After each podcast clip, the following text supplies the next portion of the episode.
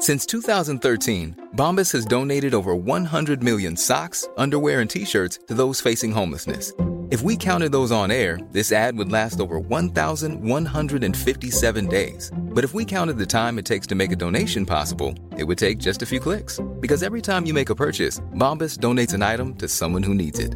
Go to bombas.com slash ACAST and use code ACAST for 20% off your first purchase. That's bombas.com slash ACAST, code ACAST. Hey, I'm Ryan Reynolds. Recently, I asked Mint Mobile's legal team if big wireless companies are allowed to raise prices due to inflation. They said yes. And then when I asked if raising prices technically violates those onerous two year contracts, they said, What the f are you talking about, you insane Hollywood ass? F- So to recap, we're cutting the price of Mint Unlimited from $30 a month to just $15 a month. Give it a try at mintmobile.com slash switch. $45 upfront for three months plus taxes and fees. Promo rate for new customers for limited time. Unlimited more than 40 gigabytes per month. Slows. Full terms at mintmobile.com. Det är ju det som är lite så klurigt att investera i en inflationsmiljö. Där är inte så många ställen att gömma sig på. Du lyssnar på Rika Tillsammans-podden som handlar om allt som är roligt med privatekonomi. I den här podden får du varje vecka ta del av konkreta tips, råd, verktyg och inspiration för att ta ditt sparande och din privatekonomi till nästa nivå på ett enkelt sätt. Vi som gör den här podden heter Jan och Caroline Bolmesson.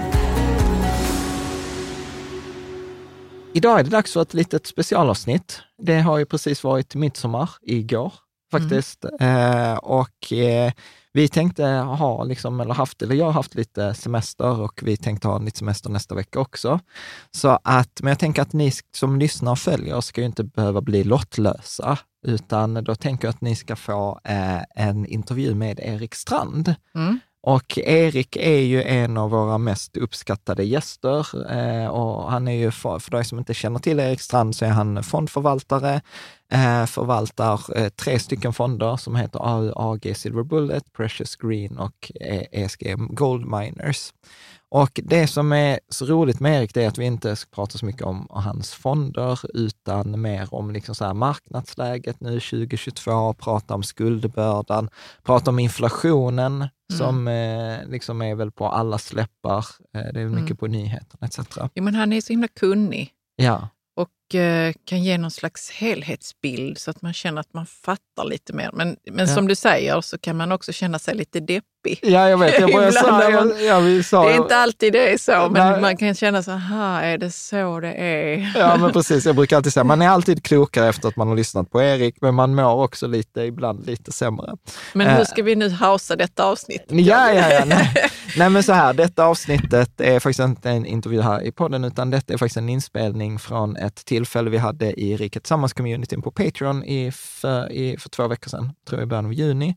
Eh, så att det är några av er som redan har lyssnat på detta avsnittet för att ni är med i vår eh, Patreon-community. Mm. Och eh, men det är, de flesta som lyssnar är ju inte det. Så att här kommer liksom en liten smygtitt. Vad är det vi gör inne i communityn? Det blir ett, liksom ett tillfälle, lite gratis reklam för Erik, för att detta är inget samarbete. Vi har inte fått betalt, han har inte fått betalt, utan det här liksom i communityn så gör vi ju eh, detta för vi tycker det är kul och det är faktiskt Ja. många andra som ställer frågor också.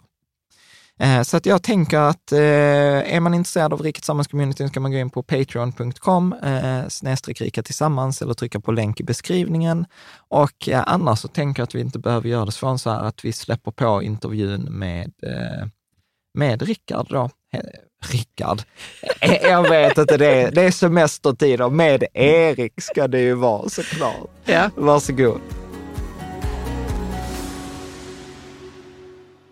Lite bakgrund av eh, AUAG, vad det handlar om och vår värld kan man kanske vara på plats. Eh, AUAG är ju guld och silver och sen är vi intresserade av eh, andra, särskilt då grundämnen och deras egenskaper. Eh, och det är egentligen två stora delar vi tycker är intressant. Det ena är eh, pengar och där kommer guld och silver in och sen så tittar vi mycket på den eh, utvecklingen, den gröna transformationen och vad som behövs där. Och det är faktiskt metaller som behövs. Eh, och det, då är det inte bara guld och silver utan då kommer ju koppar och litium och många andra eh, ämnen in. Och det är egenskaperna i ämnena som är så intressanta. Varför silver är så intressant som till exempel då både en monetär eh, valuta och samtidigt är det ämne på jorden som leder elektricitet och värme bäst. Så varför när man använder silver i solceller och i, vindtur i vindturbiner använder man 22 stycken olika metaller eller ämnen. Så att eh, vi kan inte göra grön, en grön omställning utan eh, de här ämnena och eh, då är det viktigt att eh, hur vi tar fram dem hur vi, eh, och hur det görs och såklart kunna investera i, om man nu tror på att det kommer en grön omställning och eh, även vill eh, få bra avkastning med tiden på detta. Det som kanske är mest aktuellt just nu är väl den monetära inflationen och det bygger på att politiker, ska vi väl säga, eh, gillar att eh, ta den lätta vägen och då blir det att man eh, skapar mer och mer pengar genom antingen politiska beslut eller genom centralbanker. Och det har vi upplevt nu under många år och det har varit väldigt positivt å ena sidan för att börsen har gått upp och gått upp och gått upp längre än någonsin sedan 2008. Sen har det börjat hända saker nu och det är väl det som kanske är intressant att prata om. Men Erik, är, är, alltså så här, du har ju varnat för den liksom så här, inflationen och tillgång, eller så här, krisen i flera år sedan du var liksom med i podden första gången. Är, är vi här nu? Är detta... Is the, jag ska inte säga att jag, brukar inte säga att jag är kanske varnar för saker, utan vad vi haft är ju att vi har haft en tillgångsinflation väldigt, väldigt länge. Det som är nytt nu är att vi också ser en prisinflation och det tycker jag är lite intressant i alla fall att försöka bryta upp ordet inflation är lite olika saker och då är tillgångsinflation och prisinflation i slutändan kan man säga att de är ganska lika, men, men de kommer vid olika tillfällen i, i en cykel. Och nu har ju prisinflation också kommit, så att, eh, och det är det man, de flesta då kanske tycker är inflation, men vi har haft tillgångsinflation och det, det ser vi bara till exempel på eh, fastigheter över tid. Jag, jag tittar när man köpte en fastighet för 30 år sedan. Eh, jag vet inte om man hade halva lönen då, kanske i snitt säger vi Eh, med, med fastighetspriset till tio gånger högre. Och, och då ser man att det har hänt någonting i systemet, alltså när någonting, en tillgång har gått upp så mycket mer än vad våra löner har gjort. Så att eh, eh, det har hänt mycket under åren och eh, den här tillgångsinflationen har varit där länge. Men nu är det prisinflation som är det heta och där finns det ju säkert mycket frågor runt det. Men vad, vad, om, du skulle, om du skulle breda ut eller måla ut det här med liksom prisinflationen. Alltså för att så här, tillgångsinflation är många av oss som inte har tyckt var ett problem. Alltså så här, ja, börserna går upp och jag blir rikare. Men prisinflationen plötsligt är mycket allvarligare, upplevs det som. Och, och upplever du liksom så här, är detta övergående? För det är vissa som hävdar så här, ja, men nu har det ju redan typ bromsat in. Fed har liksom höjt räntorna. Alltså, så här, vad, vad, är din, vad är din take på, på marknaden? Alltså, allvarligare kan vara svårt att säga, ska, om jag tänker lite snabbt här. Alltså, för de personer som har, om vi nu säger att vi skulle få riktiga priskorrigeringar för att vi har haft en uppblåst marknad på eh, aktier och fastigheter, säger vi. Eh, om man har belånat sig tungt och, och så får sig en riktig snyting här, då kan man ju hamna riktigt illa till. Alltså det, då är det ju värre än att vi betalar lite mer för, för mat och bensin. Eh, för de flesta klarar ju av det fast det blir jobbigt. Eh, så att del, man kan säga att det slår lite olika eh, om, om det händer saker i systemet. För just att tillgångsinflationen har varit så extrem. Men nu är prisinflationen ganska extrem också och det drabbar ju framför allt de som inte har resurser att klara av det. Det är en stor påverkan där. Sen, det som ja, blir lite intressant är ju att, som du säger, att man säger att nu ska räntorna höjas, nu ska vi stoppa inflationen. Eh, man ska vara, så att säga, centralbankerna ska vara duktiga, men om man backar lite så är det faktiskt de som har skapat problemet från början. Så att, eh, så de, de borde inte vara så stolta att de ska försöka lösa ett problem de själva har skapat. Ska jag säga. Men kan man ändå inte säga så här att Alltså nu, nu blir det ett provprat, så du, du, får, du får hindra mig här om jag är ute och reser. Men jag kan ju ändå liksom säga att det är många som pratar om det är kris och nu är inflation och räntorna ska öka och bostadspriserna ska falla. Och så tänker jag ändå så här, men är inte den här korrigeringen egentligen ganska sund? Alltså det, i flera år så pratar jag om så här, there is no alternative, det här TINA-miljön.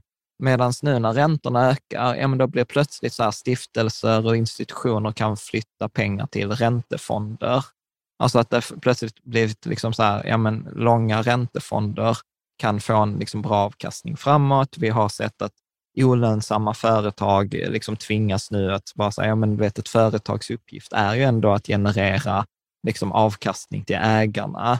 Alltså att det, alltså så att, att det blir lite så här, återgång till sunt förnuft? Alltså, eller, alltså förstår du? Alltså jag menar att det, liksom, det är alltid två sidor. Det är inte bara kris, eh, utan det är positiva sidor i det här också. Hänger du med? Ja, det, ja alltså, det, positivt. Alltså det blir alltid en återgång till någonting och även om vi skulle ha riktiga krascher så jag brukar försöka säga att de är, är ganska positiva också. Det skapar ju möjligheter. Eh, går det bara uppåt hela tiden så blir ju bara de rikaste rikare hela tiden. Så att, eh, det behövs återgångar. Problemet den här gången kanske är att man har, låt, man har tryckt upp bubblan så länge och så mycket så att eh, korrigeringen blir så stor och kraftig. Och det är väldigt svårt eh, för oss människor att veta liksom, vad, vad, vad, är sanningen, vad är, liksom, vad är rätt? Vi har liksom varit i en tro. Eh, och det här har ju liksom problemet har förstorats lite för centralbankerna och Riksbanken då. Eh, förr i tiden så fick de aldrig prata om vad de ska göra framåt, utan de hade ett möte. Och på det mötet beslutade man att höja eller sänka räntan eller inte göra någonting. Och så var det inget mer med det. Det var liksom hemligt, alltså helt hemligt fram till den dagen. Eh, sen 2008, sen finanskrisen, så kände de att de måste lugna marknaden och säga att vi kommer göra det som behövs. Vi kommer göra si, vi kommer göra så. Vi har alla redskap som behövs. Alltså lugna marknaden väldigt mycket. Och på engelska så kallar de det forward guidance. Och Det var ju skönt för marknaden att det blev så, men det är väldigt farligt för nu, nu pratar de hela tiden vad de ska göra. Eh, och jag, jag, vet inte om deras vision är att de ska försöka prata säga att de ska höja räntorna, att allt ska lugna ner sig och sen inte behöva höja räntorna. Mm. För problemet är att höja räntorna är att vi har så mycket mer skulder nu än vi hade för 10-15 år sedan. Vi har dubblat mängden skulder så att det blir väldigt svårt för systemet att klara av att betala. För räntan vi betalar är ju inte bara räntesatsen utan det är ju också mängden lån vi har. Mm. Vi har en fråga, André. André, ja. jag, jag vet att du... Ja, Jajamän. In. Hallå, hallå, hej. Eh, hej Erik. Hej. Jag hade en liten fråga här angående ekonomiska klimatet. Vi kanske är på väg mot eh, om stagflation är en realistisk rädsla i närtid, säg ett till tre år. Vill, vill du förklara först vad stag, stagflation är för oss andra, André? Ska jag göra det? Ja. Det, det, det kan nog Erik bättre än mig, men det är ju egentligen ett, ett ekonomiskt klimat där vi har en, en, en stigande inflation och en, en försämrad ekonomisk tillväxt, alltså låg tillväxt och, och en hög oförväntad inflation om man ska vara teoretiskt korrekt. Mm. Vilket suger. I alla fall för aktier, ja. alltså, med, jag skulle säga så här att de, alltså problemet nu med det är med, alltså blir det högre räntor så får alla bolag eh, som har lånat pengar gratis problem. Så för dem, eh, ett verkstadsbolag kanske kan dra ner på sina anställda och har då en sund, fortfarande fungerande verksamhet, medan många kanske då förhoppningsbolag som många har finansierat väldigt lättvindigt Eh, för dem att dra ner på sin verksamhet när de inte ens har lönsamhet i grunden eh, blir en väldigt motsägande effekt och så blir det att de säger upp människor, får, ja, kanske går i konkurs och säger upp ännu mer människor. Men det är väl någonting som jag eh, verkligen noterar nu om vi nu tar eh, var det väl Klarna som var först ut. Det var ganska många som skulle lämna företaget och så börjar vi se fler och fler IT-företag eh, göra sig av med, med anställda och var ska de få jobb någonstans? Om alla IT-företag och alla andra företag drar ner på personalstyrkor. Eh, inte att man drar ner för att man inte tycker att den här personen fungerar på jobbet, utan man säger att nu ska 10 procent bort och det är 700 anställda där och det är 300 anställda i det företaget. Det kommer mer och mer nyheter från fler och fler företag. Eh, och Eh, har de ingenstans att gå, om inga företag söker den här personerna längre, så blir det väldigt ansträngt för systemet. Så att, eh, vi kommer nog få se Eh, när det blir riktigt hårt så kommer ju eh, både stater och centralbanker behöva agera för att stötta upp det här eh, på det ena eller andra sättet. I Sverige har vi dessutom val, så det kommer säkert bli ännu mer aktiviteter för att göra alla så glada som möjligt. Men det är ju det är inga riktiga lösningar, utan det är bara genom att trycka mer pengar. Eh, så det löser ingenting. Så att jag tror, eh, och det är samma sak egentligen när vi pratar inflation som vi har nu för att krångla till det lite, så det vapen centrala och riksbanker har för att bromsa någonting, det är att höja räntan. Men då är ju det oftast på en inflation som kommer från att vi har eh, fått så mycket höjda löner så att vi har varit ute och konsumerat så mycket och så vidare. Men det, jag kan inte säga att det är så det har varit. Vi har inte fått så mycket högre löner i snitt och vi har inte konsumerat på det sättet heller. Så det är frågan, fungerar de här räntehöjningarna och den sortens inflation vi har idag? Det, det är väldigt uh, intressant att se. Men vad är ditt case? Tror du att vi är på väg mot stagflation eller tror du att vi är på väg någon annanstans? Liksom? Vad, vad, vad alltså, det, det beror lite på för att eh, man kan tro på att alltså, vi, vi, ska, vi, ska, vi ska dit egentligen. Men, men troligen kommer ju politikerna bli så rädda så att de kommer trycka på gaspedalen eh, på alla möjliga sätt så att vi, vi inte hamnar där utan att vi får eh, in, en, kanske en tillväxt, fast det är ju inte en verklig tillväxt kanske, om man ska säga så. Så det, det, är väldigt svårt att säga. Eh, allt beror på hur de kommer, att, alltså hur hårt. Förr i tiden så var det lite vanligare att man liksom gjorde en riktigt stålbad och gick igenom, alltså att alla fick lida i två, tre år för att komma ut bättre på andra sidan. Och det är svårt att se med att de vågar eller har... Inga politiker kan göra det och sitta kvar vid sin så att säga, maktposition och det, utan makt är de ingenting. Så de, de har en tendens att eh, hellre ta, ta den lätta vägen. Men det löser inga problem, utan det förstorar ju bara problemen lite längre fram egentligen. Mm. Att, eh, det är en sak i vad man ser framför sig, vad som borde behöva hända. Och en annan sak vad, vad politiker kommer att göra. Det är två, två olika saker ska jag säga.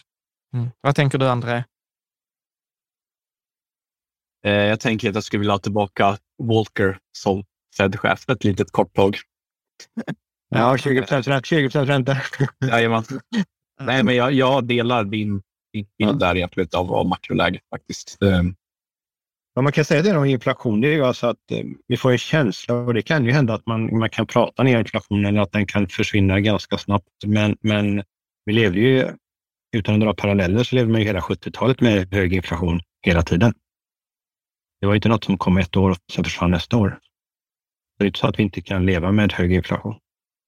Mm. Men det, det, var ju samma, det var ju samma sak där innan inflationen kom igång, att man eh, pratade om att den var tillfällig, övergående. Mm. Det är bara OPEC som är igång och härjar.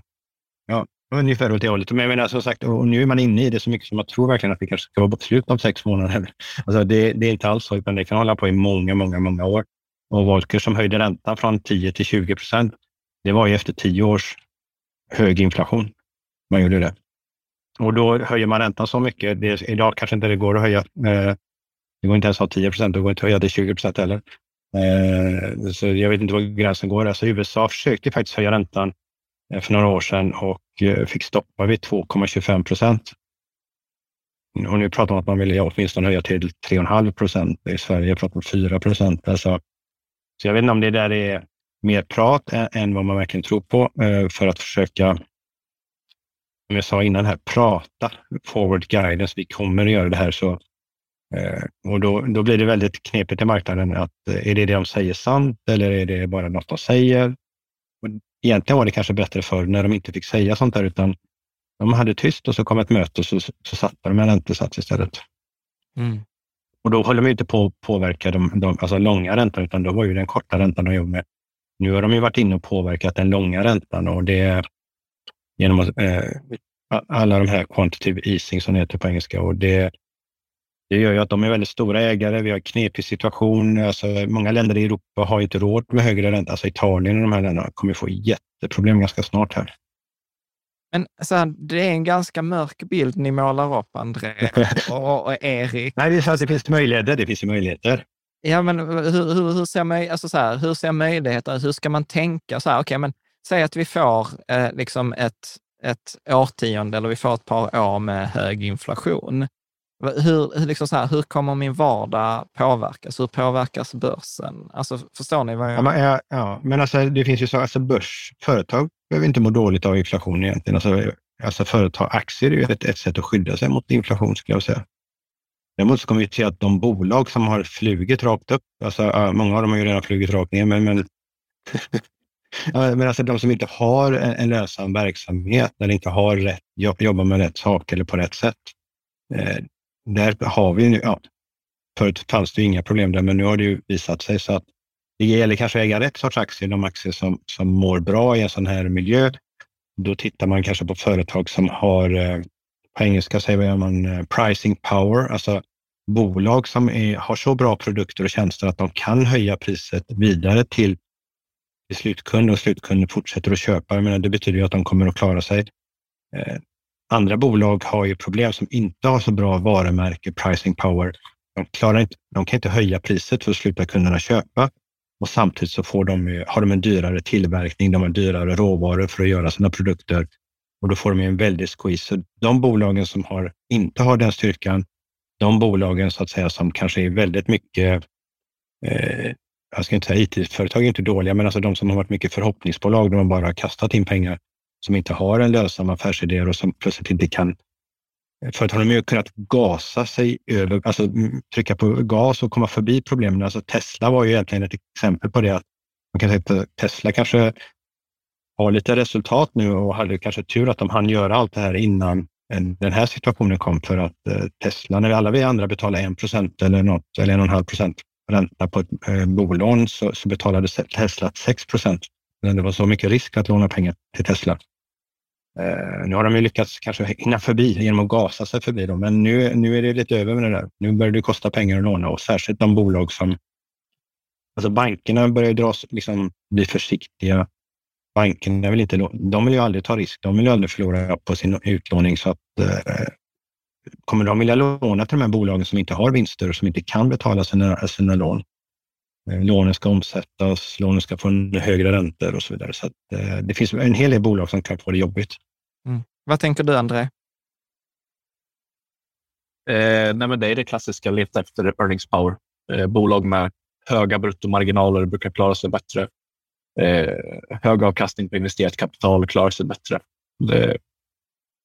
Men, men så här, jag, jag som är nyförälskad i mina indexfonder och, och så här, kan, kan man säga liksom så här att ja, men aktiemarknaden som helhet, alltså så här, ja, några kommer att klara det, några kommer inte klara det. Hur kommer liksom marknaden eh, gå i ett inflöde? Eller hur gick marknaden på 70-talet? Liksom? Vill, vill, Kör du, det är du som kan. Nej, det vet jag inte. Alltså, eh, eh, nu har vi ju en egen indexfond. Vi har skapat ett index och gjort en ETF. Eh, sen vet ju Jan att jag har varit inne och sagt att eh, allt är inte bara bra med ETF eh, ETF och indexfonder heller, för att det finns ett inbyggt problem i, i dem. Och det är att, och det, och tar man det helt cykliskt så är det egentligen bra att köpa dem när en marknad har, eh, är på väg upp från en botten och går uppåt och uppåt och uppåt. För då äger man mer och mer av de bolagen som går bra i det här indexet. För det är de som växer och blir störst. Eh, problemet är det motsatta, att egentligen när marknaden toppar Eh, så är indexet fyllt av de bolagen som har gått absolut bäst de senaste fem åren, för det är de som blivit störst i market cap, alltså marknadsandel. Så man sitter egentligen med mycket högre risk än om man kanske hade eh, tänkt. Så att det finns inbyggda risker och möjligheter i, i ett index som inte är det, kanske någonting man tänker på när man bara investerar i marknader. Ett klassiskt exempel på det var i Japan. Eh, när Japan kraschade då, då var banksektorn 70 procent av marknaden så ägde man då japanskt index vid det tillfället så var det 70 procent banker och det var de som kraschade då när det hade toppat. Så att, eh, tyvärr så, så är, får man måste läsa vad är, vad är det här indexet egentligen gör och vad består det av. Särskilt, när, särskilt det, det, när det vänder. Detta, detta är precis sån här kunskap. Så här, jag mådde bättre innan jag ja, förlåt.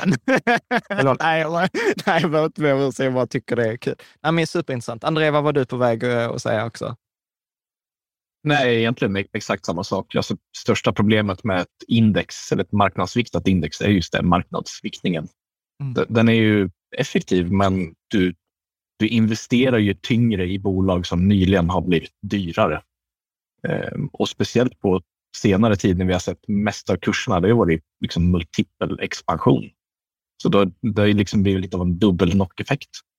Att du investerar. Det, det, det, är, det är en risk nu när det är en sån här marknad, men samtidigt är det, det är en bonus när man är en eh, uppåttrendande marknad från början, för då mm. får man mer och mer flyt från de här bolagen som blir större och större. Så på ena resan är det bara positivt, men mm. den här resan så är det kanske inte så bra. Vi ska ta, där är lite frågor eh, mm. i, i ja. chatten. Vi tar dem också. Tack André. Eh, vi tar Erik. Vill du ta din fråga? Erik Dahlén. Ja, eh, min yes. Fråga är ju att om vi nu har mycket högre skulder än vad vi haft tidigare mm. så borde vi inte behöva höja räntan så mycket innan det börjar göra ont och därigenom bromsar tillväxten eller efterfrågan och därigenom stoppar inflationen eftersom vi har ett inflationsmål när vi sätter räntan så borde inte räntan behöva öka så himla mycket. Eh, det är så jag har sett på det. Så jag har börjat tänka att vi inte kommer få så höga räntor som en del är oroliga för. För ganska snabbt så kommer det börja göra ont. Och då kommer Riksbanken kunna stoppa. Eh, absolut är det så att, att ju mer skulder det är, ju mer så att säga, blir det som en form av bromsande effekt. Eh, så, så, det är korrekt. Sen är ju inte de eh, liksom lika fördelade, skulderna. Eh, så det, en del, för en del kommer det bli eh, ohållbart tungt och för vissa så kommer det inte så att säga, göra så mycket. Alltså, har, har du en sund och fräsch ekonomi så ska ju inte, det ska inte spela någon roll om det är 3% ränta, 5% Du ska ju klara 10 ränta egentligen om du ska anse det att du har en sund, sund egen ekonomi. Och eh, de som inte klarar det har, lever egentligen farligt. Man har levt i en eh, väldigt tro på att staten fixar det här eller om nu Riksbanken är staten. Och det vi glömmer tror jag, eller vad många har glömt, det är liksom att staten alltid finns där och, och det vi måste förstå det är att det är vi som är staten. Staten är inget eget, det är vi som är staten. Så att om staten eller Riksbanken gör någonting för att rädda oss så är det vi som räddar oss och vi som betalar. I slutändan betalar vi alltid vår egen räddning. Om vi inte gör det nu så är det våra barn och barnbarn som får göra det, men vi kan inte komma undan det och vi kan inte tro att staten är någon egen eh, person eller egen, eh, eget företag som har pengar för vår men, räkning.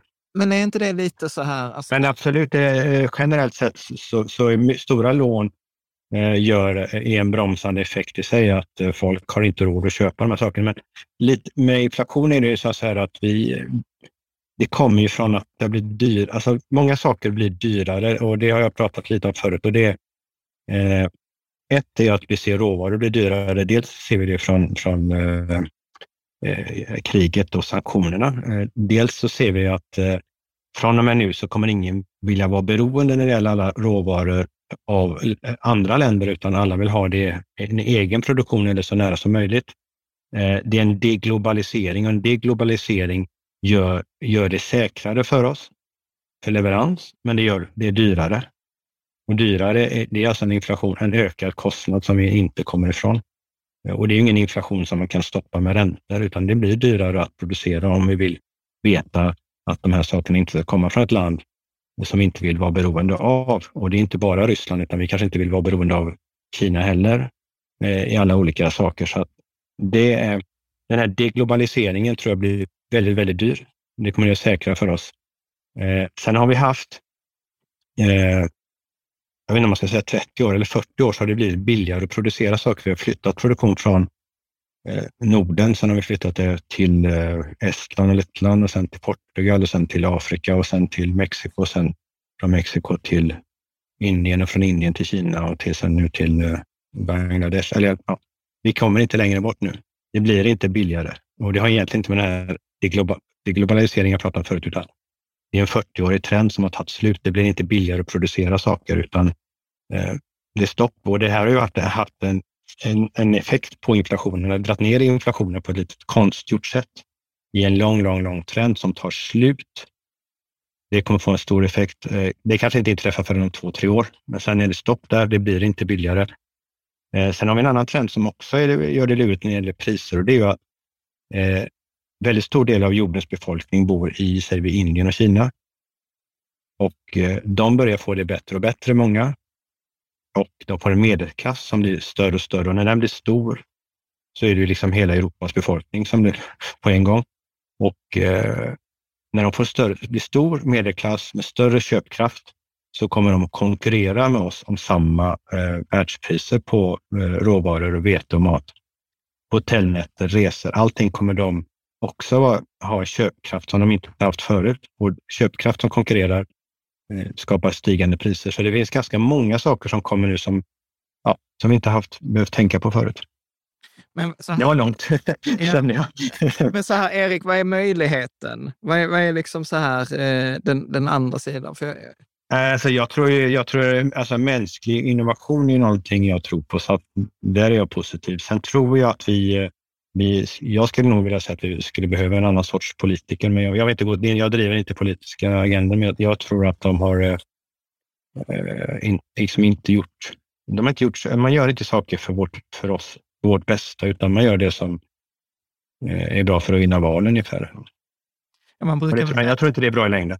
Men det finns väl en klassisk sånt här, när saker är ekonomiskt möjliga är de politiskt omöjliga. Och när de är politiskt möjliga så är de ekonomiskt för sent. Och det är lite som man ser, alltså även de som sitter i, i centralbanker i världen över, eller Riksbanken, alltså de har inte så, alltså, eh, de vill egentligen inte bara inte att det inte ska gå snett när de sitter på vakten så att säga, utan de, det känns inte som att de har ett tillräckligt, eh, de brinner inte tillräckligt för, för oss som människor. Och som, eh, ja. men, men jag tänker där, Erik, så här, nu är du ju äldre än vad jag är. Men så här. Det var du tvungen att säga.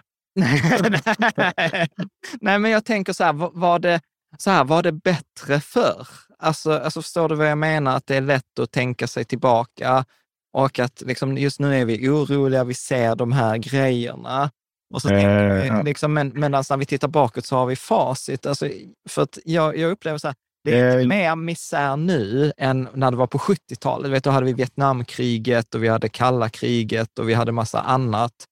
Eh, liksom saker som pågick. Alltså förstår du hur jag menar? Ja, jag förstår. Nej, nej, jag förstår menar. Och på ett sätt så kan man säga att vi alltid har det bättre. Vi har en massa saker. Så där. Sen, sen kan man ju ibland undra, så att vi har ju, man kan ju bara undra att nu, nu måste ju eh, i princip två personer i ett hushåll och en familj jobba för att det, det ska funka. Eh, och, och, så, vi har det bättre, men det, det finns ju liksom saker vi har offrat för det. Och tid och människor att prata med varandra. Så det är många saker som har försvunnit, men absolut så tacksam, jag är ju tacksam för all teknologi och alla andra saker vi har för att eh, göra saker. Men eh, eh, jag, jag känner kanske att det blir, vi, vi har blivit en ökad skillnad på människor som vill driva på och göra saker eh, och är liksom aktiva för, för en bättre värld.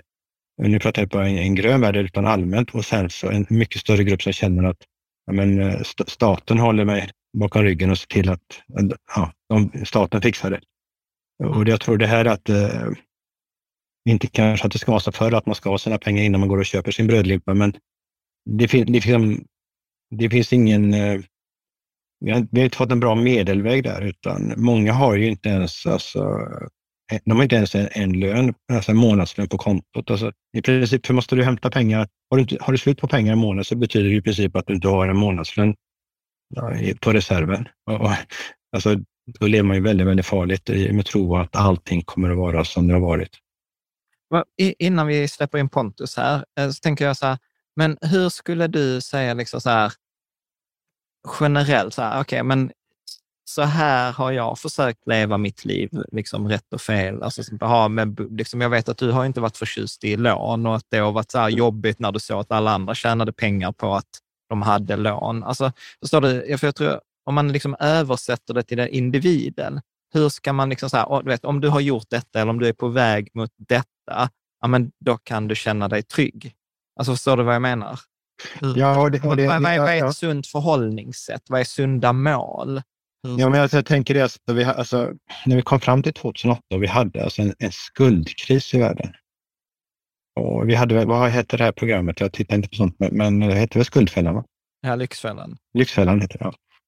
Eh, och jag vet inte, men, men så någonstans ska man de lära sig att inte eh, liksom, låna pengar för att spendera pengar, utan att de ska få en sund ekonomi. Eh, och, och det är egentligen det det handlar om. Att alltså, vad vi gjorde, efter, vi, vi räddade världen och, och många centralbanker slog sig för bröstet och man räddade världen med likviditet. Att det fanns pengar i systemet, men man skapade alltså dubb, så att vi har dubbelt så mycket skulder nu som vi hade när vi hade en skuldkris. Alltså vi har inte löst problemet.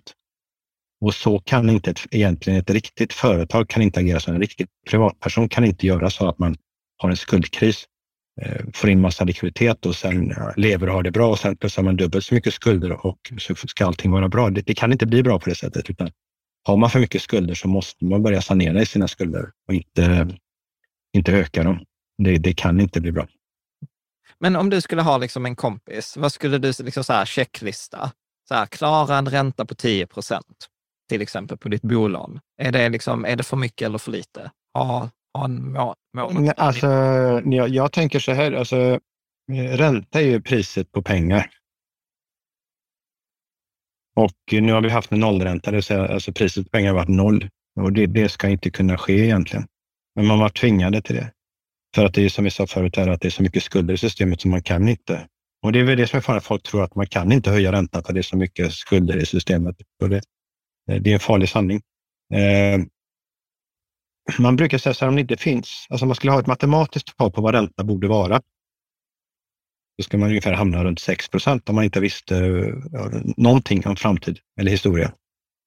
Det vill säga att man, man på, på ett x antal år får tillbaks, eh, eller åtminstone fått lika mycket pengar som man har lånat ut då efter, och hur många år det nu blir, ja, 12 år blir ja. det. Någonstans är väl därför att vem, vem vill få den, om ekvationen har sagt att du får tillbaka det efter 100 år, liksom, eller nu har det varit oändligt år innan du skulle få tillbaka det om du lånar ut pengar, om du inte får någon ränta. Så att 6 procent är någon form av eh, ränta som borde vara och sen har du någon som är väldigt, eh, du känner dig väldigt trygg med så kanske du kunde lånat ut till 4 procent. Eh, är det 5 procent och är det osäkert så vill du ha 7, 8, 9 procent ränta. Eh, och sen är det liksom alltid en världssituation, men att vi har rört oss i de här talen som vi har haft nu, det, det, det skapar problem och obalanser. Och det, det är väl det som är kanske svåra i, i allting här, att eh, kommer, alltså man måste spekulera i om centralbanker och riksbanker kommer göra det de säger. Eller ska man titta på vad de säger eller vad de gör? Eh, och det där tror jag det gör det svårt för det blir liksom lite av ett uh, mänskligt, jag ska inte säga kasino, men man måste ju fatta ett beslut. Mm. Uh, ska jag ha mycket lån för att det är billigt och kunna göra saker eller ska jag inte ha det? Alltså, och så ska jag chansa på om de gör som de säger eller inte gör som de säger. Det, det, det blir lite så, om, så sista, sista avrundning här innan jag släpper på mm. Pontus. Så mm. hur skulle du definiera en sund ekonomi för en privatperson eller liksom? För jag vet, och detta är inte, jag ska vara tydlig, så här, detta är inte finansiell rådgivning, detta är liksom... Eh, alltså, ja, du vet, alltså, jag brukar säga så här, alltså, en krona för mig är inte en krona förrän du har använt den. Förlåt, vad sa du? Jag behövde... En krona är inte en krona förrän du har använt den. Kan du få säga någonting mer om det? Ja, nej, vad jag menar är alltså att eh, allting, i princip så, så, så, har man ingenting. Alltså, man har det vi har, men man kan bli av med allt och de kan ta ifrån oss allt. Om man ska vara helt krass. Eh, men våra upplevelser kan ingen ta ifrån oss. Så att jag tror att det är väldigt viktigt att ha, eh, alltså lägga pengar på upplevelser och, och, och leva livet nu Eh, sen tror jag att om man har en riktigt sund ekonomi så kanske man inte hinner göra slut på de pengarna. Eller alltså, de pengar man gör slut på gör inte att man får mindre pengar ändå. Alltså det, men upplevelser att använda pengar, jag tror inte på att se till att man har ja, mest pengar på kontot när man, när man lämnar här. Det är, liksom, det är inte det spelet, det är inte det vi livet vi lever, utan uh, det gäller ju att verkligen använda pengar och ha nytta av dem. Mm. Så, så, så, därför tror jag att, alltså, att vara vara för sund så att det blir tråkigt alltså, och inte kul och sen så kommer de ändå ta pengarna. Så sparar man för mycket nu och sen så kommer de säga att Nej, men nu har vi inga pengar, nu måste vi höja skatten till var det Joakim Palme, Olof Palmes son, han är framtidsforskare, han sa ju att eh, utan de här problemen så var ju kommunalskatten tvungen att gå till 50 procent för att finansiera liksom, ålderssystemet och allting i kommunerna, bara kommunalskatten. Och sen en statlig inkomstskatt på det. Så att, och han är ju liksom stats, eh, eller forskare i det här. Eh, jag har inte tittat närmare på det, men eh, jag tror inte att han eh, skojar eller hittar på det, utan eh, han kom fram till det och det är många år sedan. Eh, så att i princip, alltså en, en stats förmåga, eller varför det finns ett förtroende i ett land, det är egentligen att landet har en obegränsad rättighet att beskatta sina medborgare. Det är därför Tyskland kan låna pengar till Sverige, för de vet att Sverige har en obegränsad rätt att beskatta sina medborgare. Så vi kommer, Tyskland kommer alltid få tillbaka sina pengar om de lånar dem till oss. Eh, så att jag, jag tror det är farligt att, och liksom, alltså, så, alltså spara och ha det liksom eh, jobbigt och inte ha kul. Eh, för då kanske man blir av med pengarna ändå i slutändan. För att, ja, men du har ju pengar, du, du behöver ingen pension. Alltså vi kan få de här Pomperipossa-effekterna, men har du sparat själv, men då behöver inte du någon statlig pension. Då ger vi det till de andra som inte har sparat. Ja, men, så att jag, jag tror det är svårt att vara det är viktigt att ha kul och försöka använda pengar. Och det är först då de verkligen är värda något. Ja, det är roligt. Jag brukar säga att det, där, det är nog det jag citerar dig mest på. Det var i ett poddavsnitt när jag frågade så här, vad är det sämsta finansiella rådet i, inom, eh, liksom, och då sa du så här, månadssparande. Och jag höll på att trilla av stolen och då sa du just där, nej men om man översparar per månad, att man sparar liksom flera tusen, tiotusen kanske, om man har massor pengar när man dör, då kan man ju fråga sig så här, vad är den bästa användningen av den tiden eller den energin eller de resurserna? Eh, så att, eh, det har, jag, det har hängt med mig. Så att Mm. det är någonting jag är tacksam för. Nu släpper vi på Pontus som har fått vänta här länge på sin fråga. Pontus, varsågod.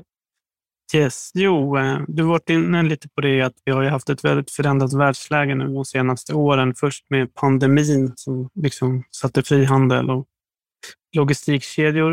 Eh, liksom prövades det och sen kom Ukraina-kriget, här nu, eller förlängningen av kriget, eller man ska säga, som har gjort att vi kanske inte vill handla med Ryssland längre i västvärlden. Och då funderar jag på, du har ju massa bolag i fonderna här som du Mm. förvaltar. Mm. Påverkar det liksom hur du tänker kring geografi eftersom just energi och gruvdrift är ju mycket i de här länderna? Mm. Mycket bra fråga. Eh, man kan säga så här, alltså när vi började Silver Bullet 2019, eh, eftersom det är en ganska riskfylld fond och vi säger Europas mest riskfyllda fond, eller svänger mycket i alla fall, eh, så är risk väldigt eh, centralt att, tänka risk. Och eh, en sak som inte har med det att göra det är att ha likviditet i de aktier vi handlar. Men det andra, nummer två för oss är jurisdiktion. Men det var du inne på här. Alltså jurisdiktion är det land som bolaget är verksamt i. Och vi sa från start då eh, i vårt beslut att vi ska inte investera i svåra länder i Afrika. Eh, det var ju med då utifrån att det finns en så att säga, risk att det blir statskupp eller eh, allting blir nationaliserat. Så att svåra länder i Afrika vill vi undvika i en fond. Vi vill inte ha vad vi kallade Kina-Kina-bolag, det vill säga att de både är verksamma i Kina och har en kinesisk ledning. Eh, så vi har ett, lag, ett bolag som är verksamt i Kina fast det är ett kanadensiskt bolag. Det tyckte, det tyckte vi var okej då för att då hade vi den kopplingen. Och vi valde att vi vill inte investera i ryska bolag. Men det här har jag aldrig gått ut och sagt att vi var duktiga för att vi tog det beslutet 2019. Men det var ju, var ju bra att vi gjorde det. Eh, men för oss, för mig som förvaltare är det viktigt att man har en sån process och att man vi kunde ju ha sagt att ja, men vi ska investera, vi tycker det är okej att investera i ryska bolag, men det är viktigt att man ställer sig den frågan när man startar eller kör sin eh, förvaltning. Eh, jag ser en del bolag som går och slår sig på bröstet för att de nu har sålt alla sina aktier i Ryssland. Det tycker jag är väldigt förvånande att man, man går ut och är, och är stolt, så att säga. Ja, där kanske man är med. Eh, hade man tänkt före så hade man kanske inte ens ägt dem, eh, eller tatt, sett en sån risk innan. Så att risk, jurisdiktion är jätteviktigt. Eh, det är så att vi eh, lyft, snäppar upp den här frågan ännu mer just nu för att vi ser eh, ännu fler länder som börjar agera konstigt. Och det handlar inte om krig utan det handlar om former av nationaliseringar eh, och så vidare. Vi har ett fall, eh, det är inte vi inblandade i, man ser i, i eh, jag tror det var Argentina, nej, nu, ja, nu tappar jag landet, vilket det var. Alltså där man då inte kan fortsätta ett, en driften i bolag för att det har varit så mycket protester i landet. Eh, och så har då bolaget lagt ner det. Och då är det 2000 arbetare som blir av med jobbet och, och det, nu, är det, nu är det de som demonstrerar för de älskade sitt jobb. Eh, Så nu har de blivit av med sitt, sitt jobb och sin verksamhet och alla underleverantörer till det här företaget. Så att, eh, det finns, det blir många populistiska beslut i det här och, Eh, och sen så blev väl de då väldigt besvikna som hade de här jobben och väldigt glada i de här länderna att de hade de jobben. Men frågan, eh, för oss var jurisdiktion viktigt 2019. Eh, men det börjar bli ännu viktigare nu för att vi ser ja, vad, vad länder kan börja fundera på att göra. Så att, samtidigt så ser vi att det är intressant just att eh, råvarorna kommer i sig bli dyrare eftersom eh, vad vi har försökt få, det är ju att få både Europa och Sverige blir en del av lösningen, alltså att vi utvinner de metaller som behövs för en grön omställning och att det inte kommer från massa andra länder. Utan har vi möjlighet att, få ta fram det i Sverige eller Europa så ska vi försöka göra det. Men det kommer inte göra själva råvaran billigare. Mm. Snyggt. Tack Pontus. Tack Erik. Vi har en fråga här från Peter. Eh, från Peter. Peter, vill du ta din fråga också? Annars, eh, annars kan jag läsa den här. Vad händer om Riksbanken väljer att inte höja räntorna mer? Hej everyone, I've been on the go recently Phoenix, Kansas City, Chicago. If you're like me and have a home but aren't always at home, you have an Airbnb. Hosting your home or a spare room is a very practical side hustle. If you live in a big game town, you can Airbnb your place for fans to stay in. Your home might be worth more than you think. Find out how much at airbnb.com/slash host.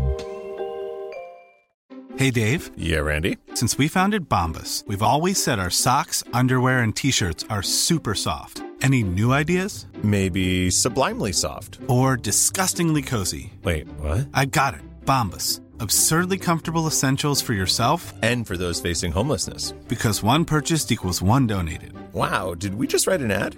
Yes. Bombas. Big comfort for everyone. Go to bombas.com slash ACAST and use code ACAST for 20% off your first purchase. Då går börsen upp eh, 27 procent på, på en vecka. Nej, men alltså det, det är väl egentligen det. Eh, vi har två fenomen som hänt nu. Det, och det ena är det här, de har sagt nu redan så mycket att de, hur mycket de ska höja den och den dagen de tvekar, eh, då, då kommer alla känna att där vänder det. Liksom, det, var, det var mer prat än, än vad de hade tänkt att göra och då, och då tror jag att eh, då blir det stora lättnadsrallyn i de här bolagen som har lidit mycket nu eh, den senaste tiden och så kommer det lida ännu mer kanske framöver. Men eh, det är många som väntar på den. Mm. Och, och, det var lite det jag säger, svårt att veta innan. När, när vi, eh, liksom, jag tror ju att, jag menar nu, när man tar sig liksom precis till 0 till 0,25 procent, upp till 1 procent så borde nu faller marknaden bolagen på spekulationen om att de ska verkligen höja till 3-4 procent. Eh, rent eh, systemmässigt så tror jag inte att systemet, alltså systemet kraschade vid 2,25 procent i USA sist. Eh, jag, jag, skulle jag spekulera så skulle jag tro att det, det, den nivån är lite lägre nu. Så att, att eh, så vi är 1,5 procent i USA, då, då, tror jag att eh, då kommer det se riktigt illa ut rent eh, i verkligheten.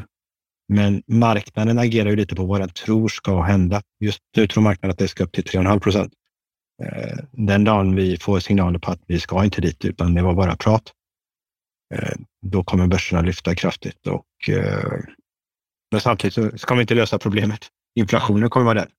Kan man säga att ungefär, jag brukar tänka, så jag läste någon tumregel, att om räntan går upp med 1 procent så ska aktiemarknaden ner med mellan 5 och 10. Kan man, kan man säga så ungefär som ett nyckeltal? Alltså man kan säga så här, det, det, ja, du har ju procenten framför dig där John, eller Helge, men procenten Helge. Eh, alltså, vi säger ju att ja, från 1 procent till 2 procent, det är ju 1 procent om vi pratar procent så, men samtidigt är det 100 procent också. Ja. Eh? Ja.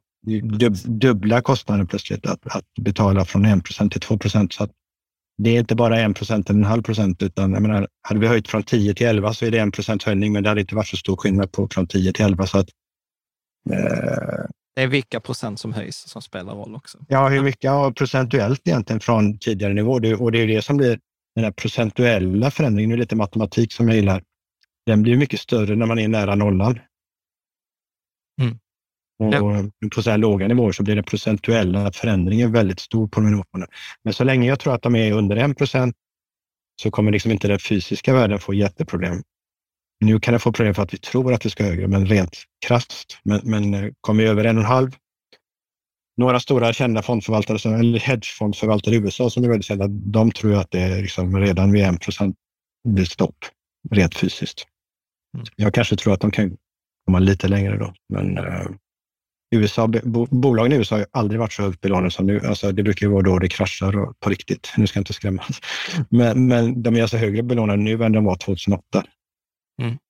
Så att, ja, vi, eh, ja, vi har en fråga från Ulf här. Ulf, varsågod. Jo, um, det har ju skrivits artiklar om det här, men tanken är ju att man egentligen bara fortsätter att månadsspara. Det går inte att pricka några toppar och dalar här egentligen. Då. Men frågan, vi vet ju att det kommer att gå upp och ner här, men frågan är om det är tillräckligt härligt att gå in. Ja. Är det, är det, pratar vi liksom 20, 30, 40, 50 procent givet om vi tittar på historiken bakåt, liksom, hur långt ner har vi gått liksom, i börskrascher? Alltså, jag vet inte om Jan är expert på siffror. Jag brukar säga att eh, börskrascher brukar snitt vara 55 procent om de är någon riktiga, men uh, det är hyfsat så rätt Jan va? Absolut, och så 36 månader. 55 procent ner från toppen okay. på, 30, på 36 månader. Det är, genom, och, det är genomsnittskraschen. Och det är klart, har man då haft en, en, en uppgång som man aldrig haft förut, så finns det ingen anledning att tro att det skulle vara en, en mindre procent kommande gång. Så att eh, risken är snarare att det ligger åt andra hållet, alltså över det. Men det är ju en korrigering och eh, när ska man köpa? Eh, vad man kan säga det är Alltså when the blood is running in the street, alltså när, när ingen vill köpa aktier. Så för länge folk vill fortfarande hitta botten, då finns det fortfarande människor som är positiva. Om man ska tajma marknaden så ska ingen, ingen ska titta på, på, på laptop, eh, sina konton. Ingen vill öppna datorn eller kontot. Ingen vill prata om det. Alltså 2000 så var det ju att folk slutade titta på, då tittar man ju på text-tv.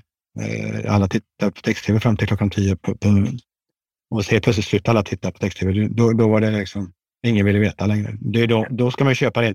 Och, och man ska inte glömma att eh, det går alltid att Alltså det är farligt ibland att spekulera i bakåt. Vad man, det har alltid gått upp eller det har alltid löst sig, det har alltid blivit bra. Eh, för egentligen spekulerar man med att framtiden också då, så att det är också egentligen en sorts eh, spekulation att använda historia. Det är nyttigt att titta på historia, men det är också en spekulation. Eh, vad jag vet om man nu pratar om, om de som vill bli rika, en del vill, alltså är det helt okej att man bara vill ha det bra eller bara klara sig. Eh, men tittar man på de som nu blir rika så har de inte månadssparat utan de har köpt när det var billigt. Jo. De, de har blivit riktigt rika. Om det, om det är de som är så, om man pratar om hur, hur, hur gör man pengar? Jo, men tanken var att det, det kommer aldrig kunna gå att pricka den här botten då. Så idén var ju att sätta en, en gräns liksom. Ja. Billigt. Ja. Då köper man kontinuerligt mera liksom, för man har aldrig att pricka botten. Nej, och, och, det är väl så att eh, eh, de som ser ut som genier som, som köpte fastigheter 92, vi har ju några stora fastighetsbolag som bygger på det i Sverige. De ser ut som genier, men man vet ju inte. De är säkert smarta, men de kanske hade väldigt mycket tur också att det, i efterhand så, så blev det rätt. Eh, så det där är mycket sånt eh, i efterhandskonstruktioner, att de, de hittade rätt. Så det, det är svårt att hitta botten. Eh, problemet med den frågan som du har där, det är att eh, eh vi kanske inte får, jag tror det var Jim Rogers, en känd förvaltare råvaruguru, som sa att index kan gå hur högt som helst. För allt beror egentligen på hur mycket pengar de kommer trycka. Mm. Eh, så att allt annat lika, om de inte går in och, och, och hittar på saker, ja då kanske det, börsen skulle ha gått ner 55-60 procent.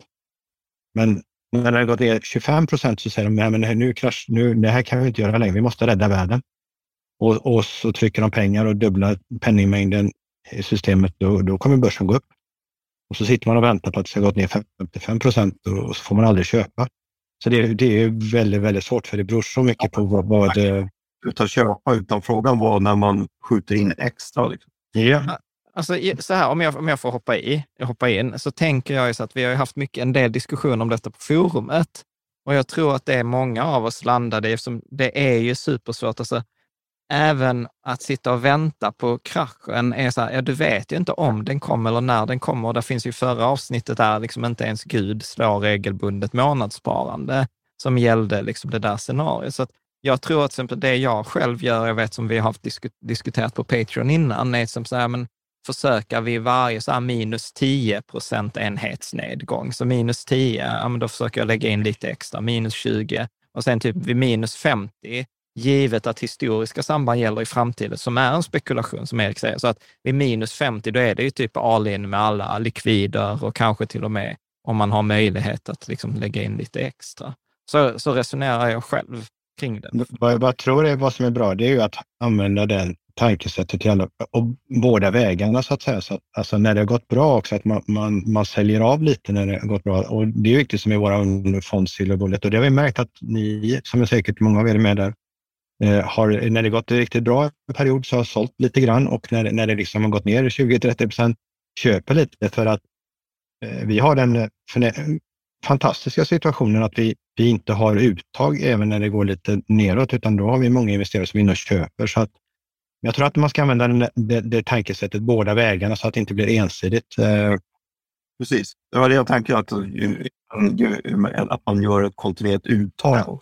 Ja, ja det är viktigt. Där finns ju en också, jag skrev det i en forumtråd, en ganska sån här eh, intressant amerikansk strategi Eh, André, hjälp mig här. Är det inte den här value, alltså att man, spar, man säger så här, att varje månad så vill jag att min portfölj ska gå upp med ett visst värde.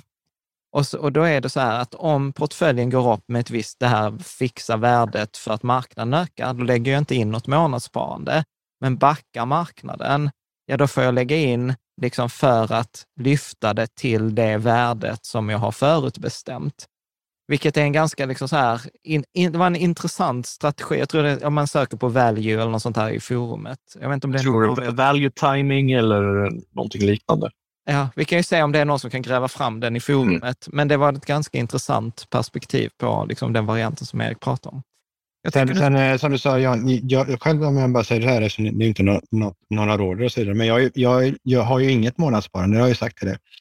Utan, utan jag, jag definierar så här att jag vill ha, så, jag vill ha egentligen en väldigt dum mängd kontanter på mitt bankkonto, för det, det är det dummaste man kan ha. Men jag, jag tycker om det av en anledning och det är för att, att, att uh, försöka känna sig rik. Alltså att känna att man kan gå och göra vad man vill när som helst, vilken stund som helst. Och eh, sen så ser jag snarare att eh, nu börjar det, oj, nu börjar det bli mer än vad jag har satt som vad jag vill ha på det här kontot. Då skickar jag in det, den här summan i en investering. Börjar jag säga att nej, vänta, nu har jag varit ute och gjort lite för mycket roligt så att nu är det under. Då får jag ju ta lite kanske från mina investeringar och sätta tillbaka. Så jag ser, jag vill mer ha ett, ett, ett likvidt konto som är konstant. Mm. Eh, Och så Och det- får och- och- över, överskotten gå till investeringar och blir det mindre pengar på den för att jag har köpt något eller gjort något efter ett tag så får jag ta från mina investeringar och, fylla på det kontot. Så jag har det som konstant istället, istället för att månadsspara. Ja, det där är spännande, för det, det ligger ganska likt det jag har. Jag brukar ju prata om det där som finansiell termometer. Jag vet inte om det är så för dig, men känslomässigt när det börjar komma under den summan så börjar det kännas jobbigt i magen. Så då vill man liksom fylla upp den, eller så är det bara jag. Ja, alltså vad jag har varit med, alltså jag, är- för bara i- innan jag var förvaltare så var jag ju rådgivare och jobbade väldigt nära eh, människor så som med deras pengar i magen. Och, vad jag märkte, och de var väldigt förmögna människor. Och vad jag märkte till min besvikelse var att de var väldigt förmögna men kände sig aldrig rika. Mm. Och det såg jag som en sak att vänta nu, vi, vi, kan, vi får inte bara gå eh, vi måste känna oss rika, om vi, är rika, rika. Alltså, rikedom är mycket mer än pengar. Alltså, det är ju frihet, det är kärlek, alltså, det är så många andra dimensioner och, och pengar är väl kanske en, liten, en, en tiondel av det där egentligen. Eh, Men tittar man på pengar så, så är att känna sig, att ha, att ha det och bara det. Alltså, skräckexemplet är ju de som är så jätteförmögna och till slut så blir de rädda att bli av med sin förmögenhet. Eh, Det är jobbigt. Mm. Så, att, så det, det där är inte så enkelt. Och Ja, det kan det vi... gäller, att känna, det gäller att känna sig, alltså, om, man nu, om man nu är nöjd, och känna sig, att, liksom, känna sig stark med det där. Känna sig, och det är därför vi har en sund ekonomi, man känner sig stark. Jag klarar av olika smällar, jag klarar av det ena och det andra. Eh, Känna sig stark och fri tror jag är det viktigaste. Mm, precis. Jag tänker vi släpper på Stina. Stina, vill du ta din fråga? Stina här. Annars kan jag ta den här. Eh, går det att anta att börsen, oj, oj, oj, nu hoppade min katt här. Går det att anta att börsen, index i USA och Sverige står högre redan i år, högre än idag, redan vid halvårsskiftet? Du hade ju en grym förutsägelse här i coronakraschen Ja. i mars när vi frågade dig så här, hur kommer börsen gå? Så sa du så här, "Ja, detta är över till midsommar. Och jävlar i det vad du hade rätt eh, i det. Så får vi en sån här magisk förutsägelse också. Eh, alltså den, det jag tittar på som är mest intressant nu, det är ju att fenomenet det sista året, alla, har, alla stora investerare har gått långa dollarn. Det är den stora, alltså den stora, eh, enklaste och tydligaste trenden i finansmarknaden, det är att alla har köpt dollar. Och då, då måste man börja tänka så, när vänder den trenden? Alltså alla pengar sitter på samma sida av båten så kan de inte, det kan inte köpas mer dollar längre. Eh, och då kommer det komma en tillfälle när de, när de eh, eh, då börjar gå, sälja dollar som de har köpt. Och det kommer få väldigt stora effekter på, på börserna. Och bra för en del och mindre bra för en del. Och det där kanske började se redan nu i mitten av eh, maj här för att då har dollarn tappat lite av den här styrkan. Men dollarn har ju gått upp extremt i, alltså vi pratar 12-18 procent. Alltså det är ju enorma siffror för att vara valutor på ett år. Eh, och det, och det är av den enkla förklaringen att USA och Fed är först att höja räntan. Det vill säga att helt plötsligt så har man ju fått ränta på, på att ha korta eh, amerikanska statspapper jämfört med att ha europeiska. Och samtidigt eftersom alla har gjort det så har dollarn stärkt. Så då har ju alla europeer fått en uppgång på dollar, att äga dollarn också. Så att, menar, en, amerika, en, en, att köpa amerikanska korträntor och så har du, sitter du med 15 procent avkastning på ett år. på, på någonting som har en halv procent ränta. Så det är, det är en otrolig investering för många i Europa. Så att, eh, men och den här starka dollarn har ju gjort det tufft för, för många saker och bromsat priserna. Men jag tror att den trenden kommer vända och eh, det kommer få stora effekter. Tillbaks till frågan. Eh, jag tror ju att, sen, är jag tillbaka tyvärr till centralbankerna, de kommer prata om höja räntan som de har gjort. Eh, de kommer höja räntorna eh, och de kommer behöva backa innan de når det de säger. Och det är frågan om de hinner backa innan året är slut. Egentligen. Eh, hinner de göra det? Eh, och ja, ja, det är ganska lång tid kvar tills året är slut.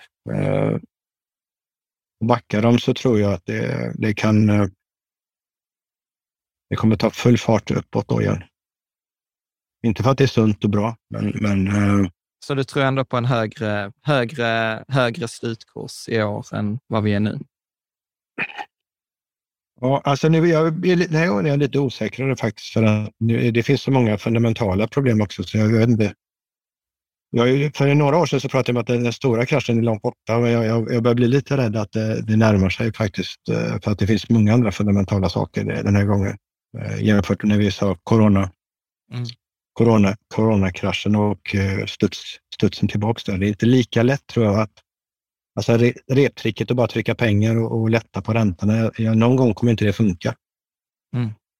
Eh, och vi ser ju det liksom i... Alltså vi ser ju länder där det sker väldigt konstiga saker med valutorna. Turkiet och så vidare. Det är ändå Europa och, och vi ser liksom eh, valutan tappa 70 procent på kort tid. Alltså det, det blir stora rörelser. Eh, så att jag tror, eh, jag hade nog inte vågat tro på den vanliga börsen utan jag har nog velat hitta Eh, som jag har sagt sedan i höstas egentligen, de här kvalitetsbolagen, pricing power-bolagen, hålla sig där. Kanske inte få, blir det jättestuds uppåt så får man kanske inte hela den resan upp, men man får ändå en stabilitet i portföljen nu. Man äger det bästa man kan äga. Går det upp så kommer det också gå upp.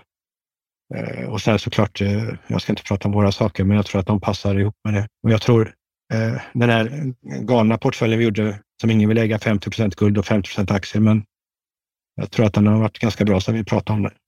Mm. Eller? Ja, ja, jag vet inte. André, kan inte du kolla? Och sen eh, medan vi andra pratar. Tror du jag vet när ni pratade om det? Vad, vad sa du, André? Tror du jag vet när ni pratade om det sist?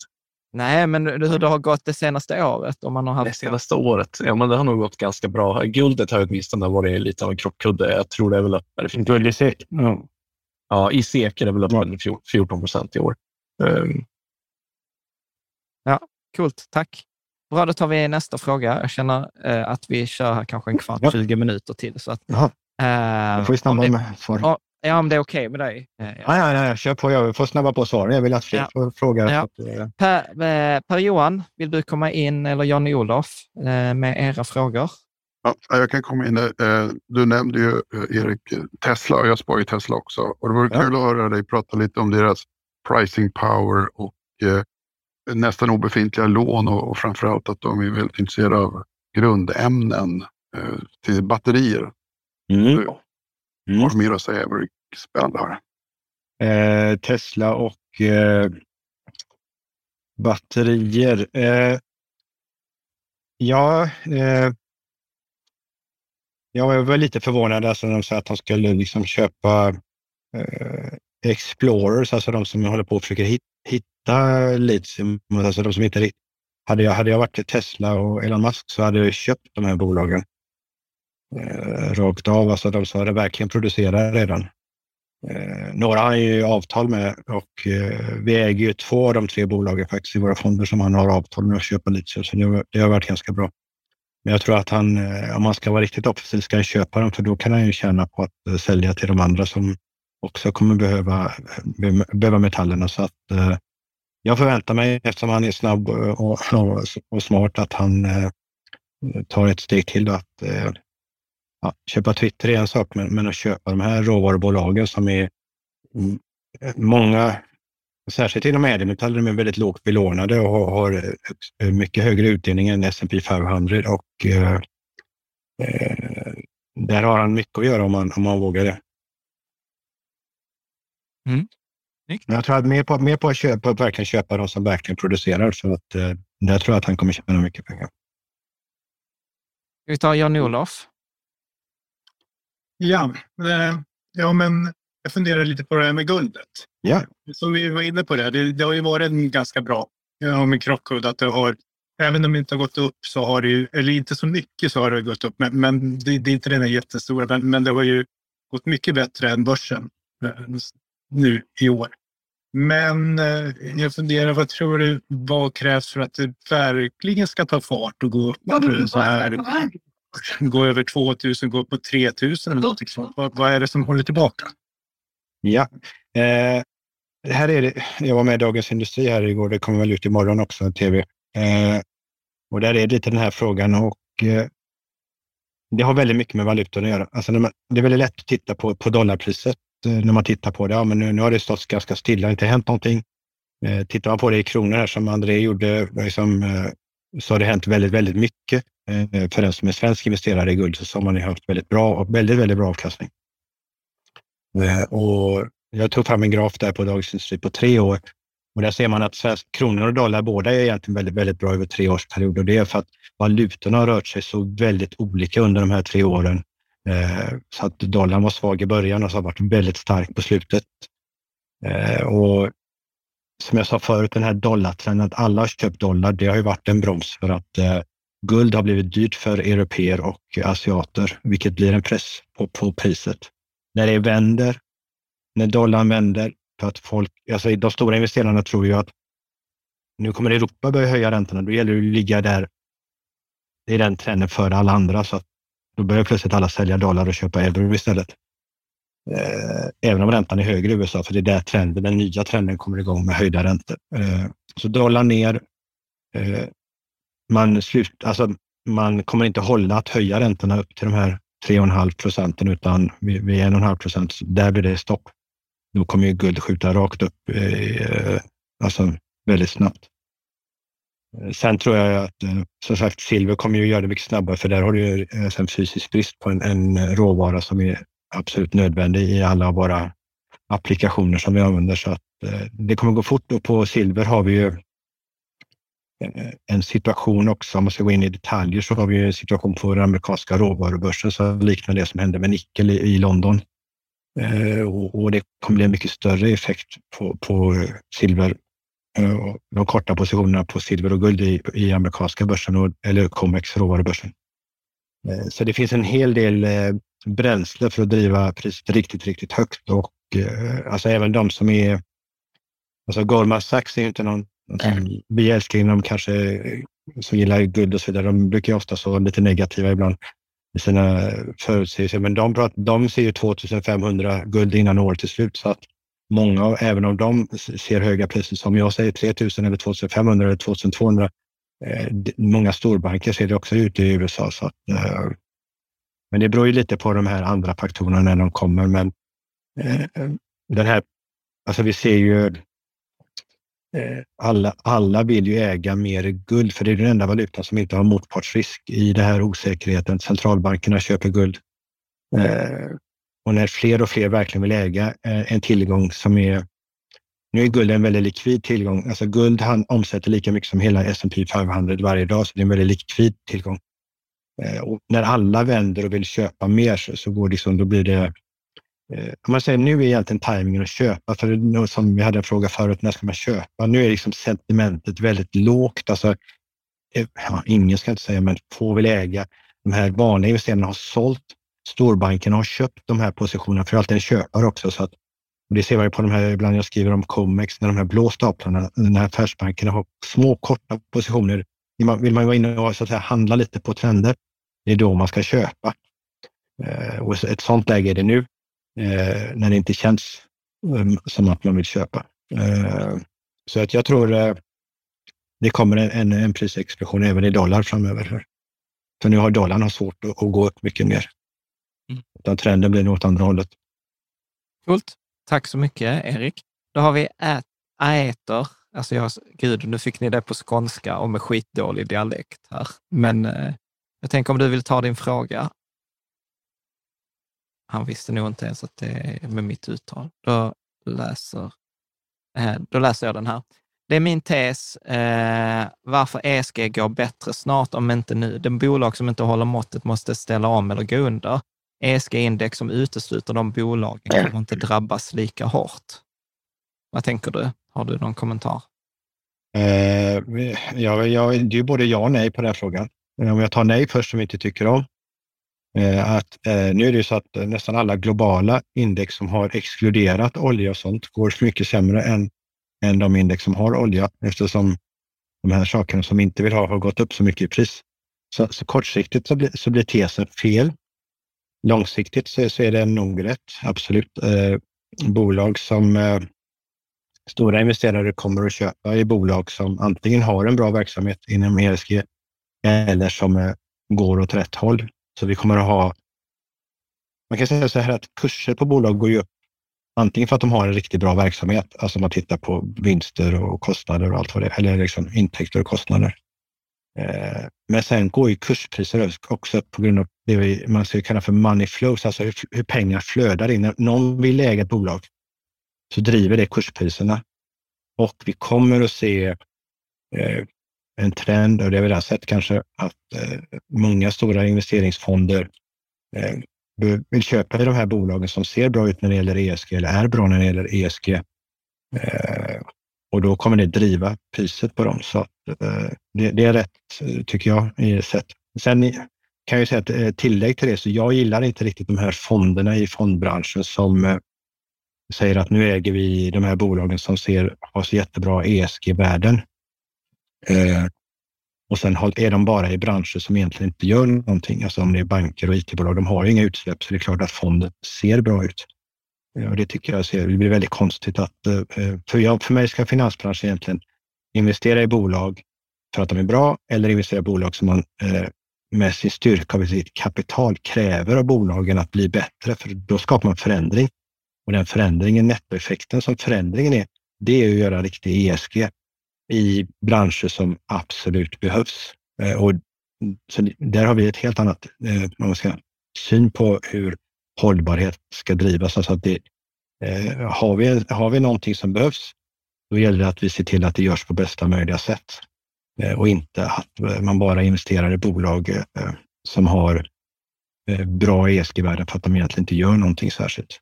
För då, då får de ju bra värden och då ser fonden ut, ser bra ut i betygsskalan för att den äger bara sådana bolag. Så att det, man, man kan ha en aktiv inställning. Alltså, på engelska, vi tycker liksom att det är, ESG handlar om att uh, it's about uh, doing good och inte looking good. Mm. Men det är lite annorlunda. Än vad, jag, jag ser ju från branschen att liksom, man vill väldigt gärna se bra ut. Mm. Och det är inte Nej. riktigt samma sak som jag, vad jag tycker om ESG. Nej, och där kan man också, man kan läsa mer på er hemsida ja. om eh, mm. AUAG Precious Green, där ni mm. liksom skriver om det. Mm. Jag tänker vi tar lite Jan Oders fråga här också, eh, som är inne. Kommer inte automatisering kunna hålla nere priserna på sikt? För där brukar man väl prata att något som motverkar inflation är ju produktivitet eller ökad mm. produktivitet.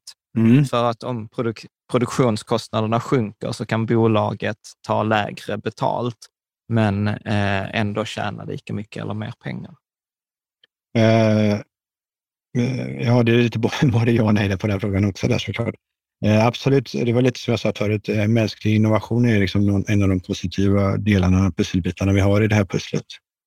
Eh, sen finns det ju, nu är inte jag expert på det, men det finns ju eh, forskningen säger ju att du, under när du gör någonting nytt, om nu säger att det är solcellspaneler, så har du en ganska kraftig kostnadssänkning i, i produktionen under en viss period, men sen så stannar den till och det blir inte, det blir inte billigare. Så det är både en sanning och en icke-sanning. Så att under ett antal år så får det väldigt stor effekt och sen så planar det ut och då har man inte den effekten längre. Eh, så det, ja visst, eh, och sen, är det, visst, sen gäller det att se eh, till exempel om vi tar silver så kan du använda mindre silver i vissa solpaneler.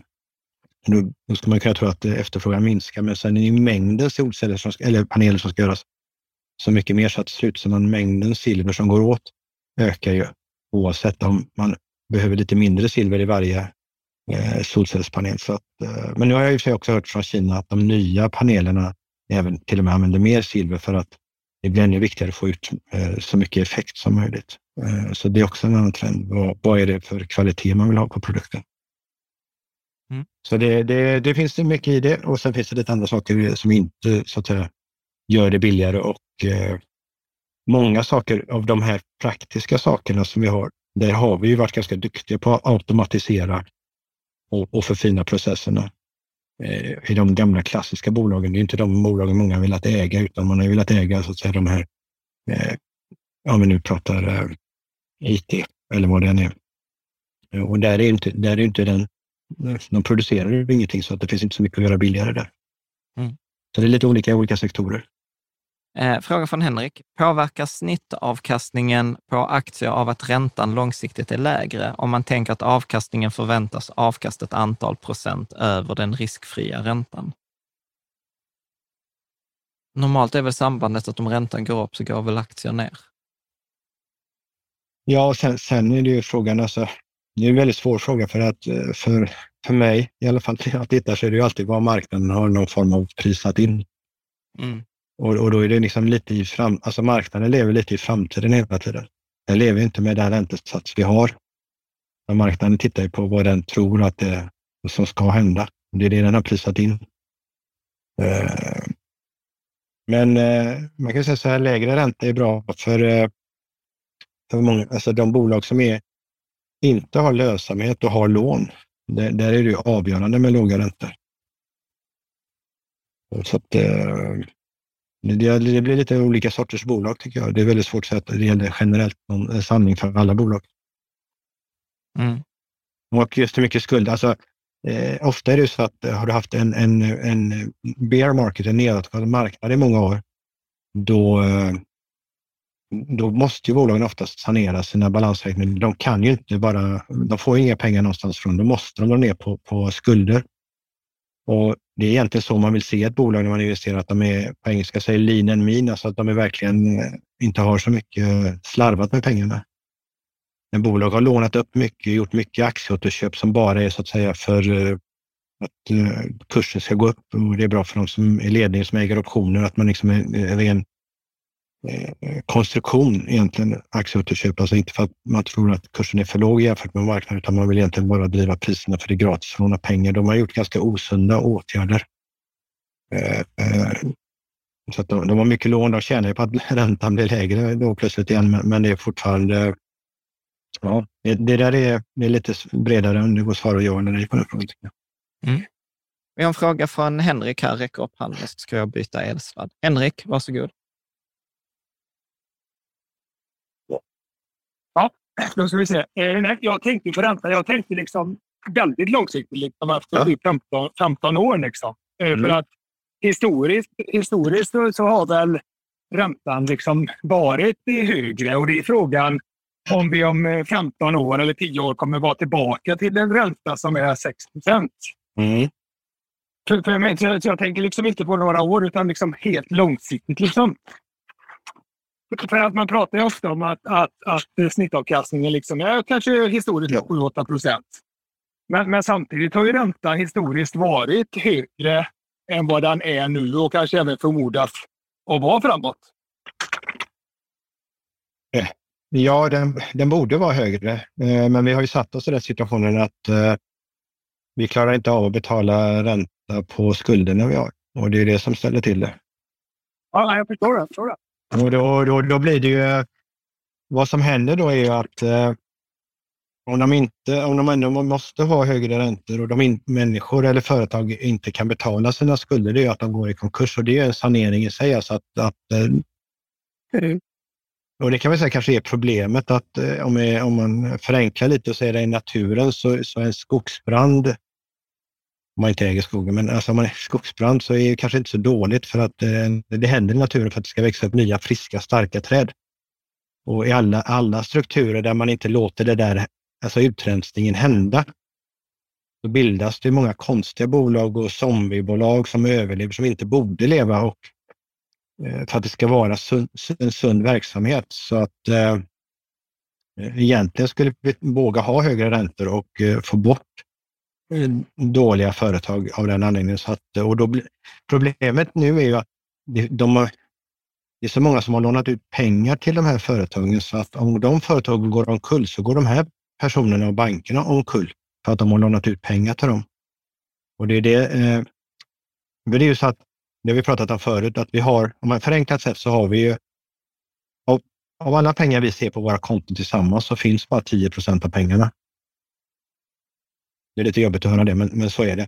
Och eh, går 10 procent av de som har lånat pengar omkull, alltså som har 10 procent, så, så är alla av med sina pengar. Även om det står på bankkontot så finns inte pengarna kvar. Så det där är, det är farligt. Alltså systemet tål inte att för många eh, går i konkurs.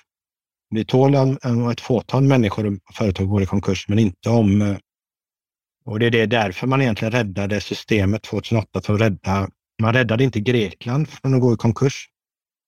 Utan man räddade de tyska och franska bankerna från att gå i konkurs genom att stoppa in, alltså, inte låta Grekland gå i konkurs. Det, det är oftast därför de går in och räddar systemet, för att inte bankerna ska gå omkull. För bankerna tål inte eh, att, att det blir för mycket konkurser i systemet. För då, det är då det blir problem att ha lånat ut pengar. Då är det inte räntan vi pratar om, utan det får jag tillbaka det jag har lånat ut. Att, där, är, där är problemet att komma upp till de här sunda räntesatserna. Snyggt. Jag tänker så här att vi, vi, tar, vi siktar på här tio, tio minuter till. Jag försöker jag känna jag blivit lite eller för ledsen idag. Jag försöker bli lite gladare. ja, ja, men alltså det, det, det gäller att se här vad det går att göra saker och eh, det viktiga är ibland eh, eh, pengar är också något relativt. Alltså man kan bli relativt rik. Eh, vi pratade om guld förut. Jag brukar säga ibland har guld sitt bästa år när det gick ner 5% Då brukar någon titta på mig. Och, och, och det är ju liksom, går allt annat ner 40 procent och guld går ner 5 procent så är det ett, ett, bra år för man kan köpa mer av det andra för, för guld. Då. Alltså det, allt är relativt så att, att, att ett portfölj går ner eh, är inte alltid negativt om, om eh, det gått ner mindre än annat. Så att eh, det går att hitta positiva det är mycket man har att köpa för sen när man köper som är viktigt. Så att eh, man ska inte se men det kanske är lite viktigare idag att försöka stå på rätt eh, sten, att ha liksom rätt, rätt saker i portföljen tror jag, än eh, bara tuta och köra. Men vi har ju tidigare pratat, jag vet att det är många här som, liksom, som följer oss eller följer mig som har mycket indexfonder och där har jag ju brukat säga att det är liksom ett ibland eh, dina fonder, till exempel om vi tar AU, eh, AG Silver Bullet, det är ju så här som du själv sa, Europas mest eh, riskfyllda, eh, riskfyllda fond. Hur, hur, är, hur är din outlook liksom för alltså, till exempel Silver Bullet? Ja, men jag säger så här, ja, precis. Alltså, det är ju, I fondbranschen har det blivit så att man sätter, man sätter en riskskala och riskskalan är 1 till 7 och den beror på volatilitet. Alltså volatilitet är hur mycket någonting svänger. Och, och silverbullet svänger mycket, därför har den hög riskklass. Eh, sen är det så att eh, egentligen risk, riktig risk, det är att köpa någonting som är väldigt dyrt värderat och, och låg risk att köpa något som är lågt värderat. Och tillgångarna i silverbullet är väldigt lågt värderade så att egentligen är det låg risk. Det kan inte jag gå ut och säga i marknaden att silverbullet har låg risk. Men det har hög volatilitet. Men tittar man på värderingarna och möjligheterna eh, och det såg vi egentligen i, kommer du ihåg det här med, jag sa att det var farligt med de här högräntefonderna. Det var, faktiskt, ja. det var också åtta månader innan det kraschade där. Att eh, de är fel konstruerade för det är illikvida marknader när det, när det blir problem och det blev det ju då när de fick stänga. Eh, och, och, då var ju, då förlor, de förlorade ju tre års avkastning på två veckor.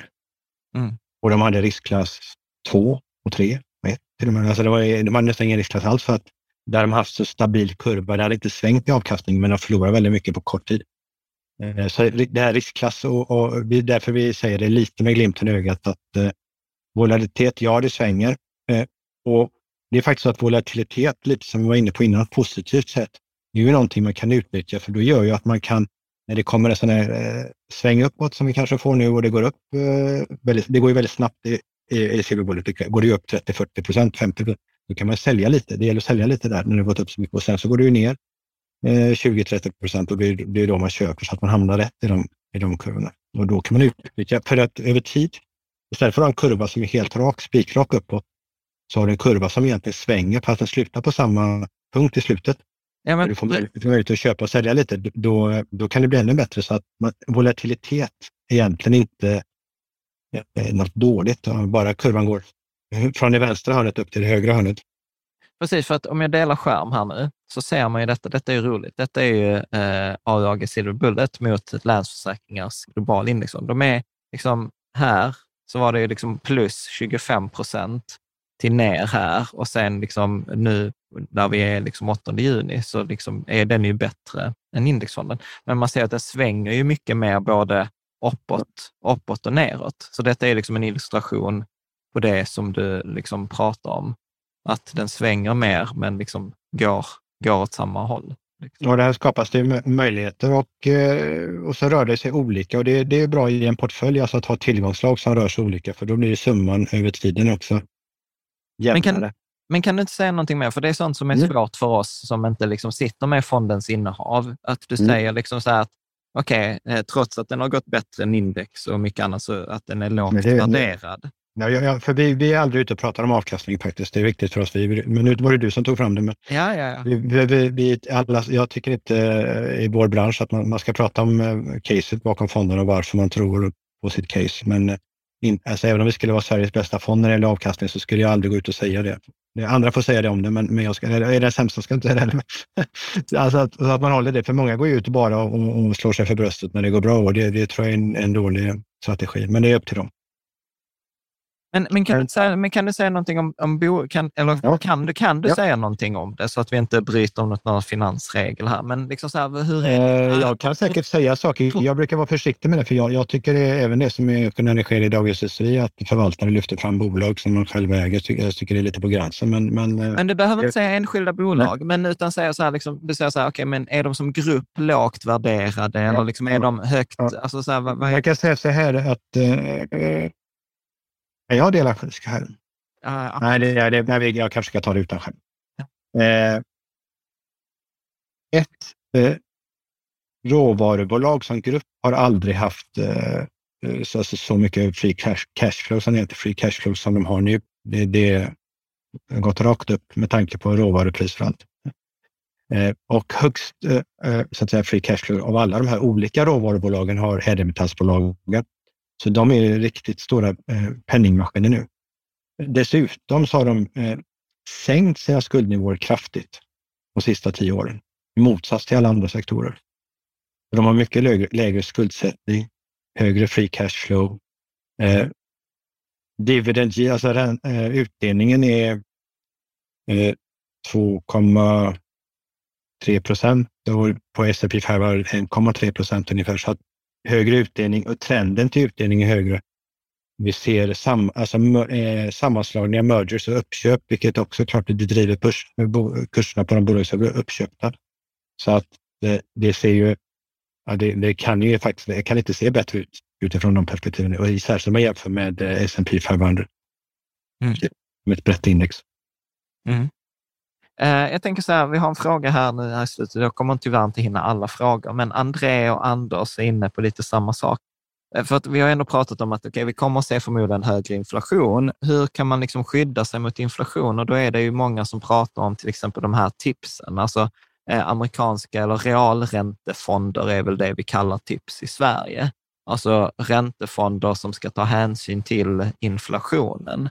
Liksom, hur ser du på det som en del av inflationsskydd med till exempel guld och råvaror? Alltså, eh, en sak är att blandar du in någon form av valuta i det hela, då blir det ett helt annat spel, för då, då blir det mer ett valutaspel än något annat. Vilket var rätt, alltså om du, alltså du behöver inte ens ha en tips, du kunde ju haft vilken som helst kort amerikansk räntefond. Det hade blivit bra för en svensk investerare.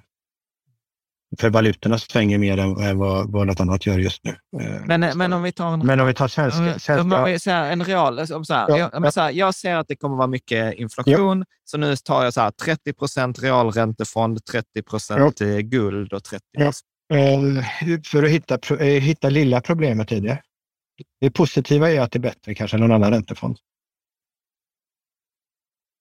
det, det som inte var, jag tror att det, det kommer att glappa om jag försöker hitta fel i produkterna, det är ju att eh, real, ränt, realräntan, alltså realräntan är ju eh, alltså räntan minus alltså inflationen.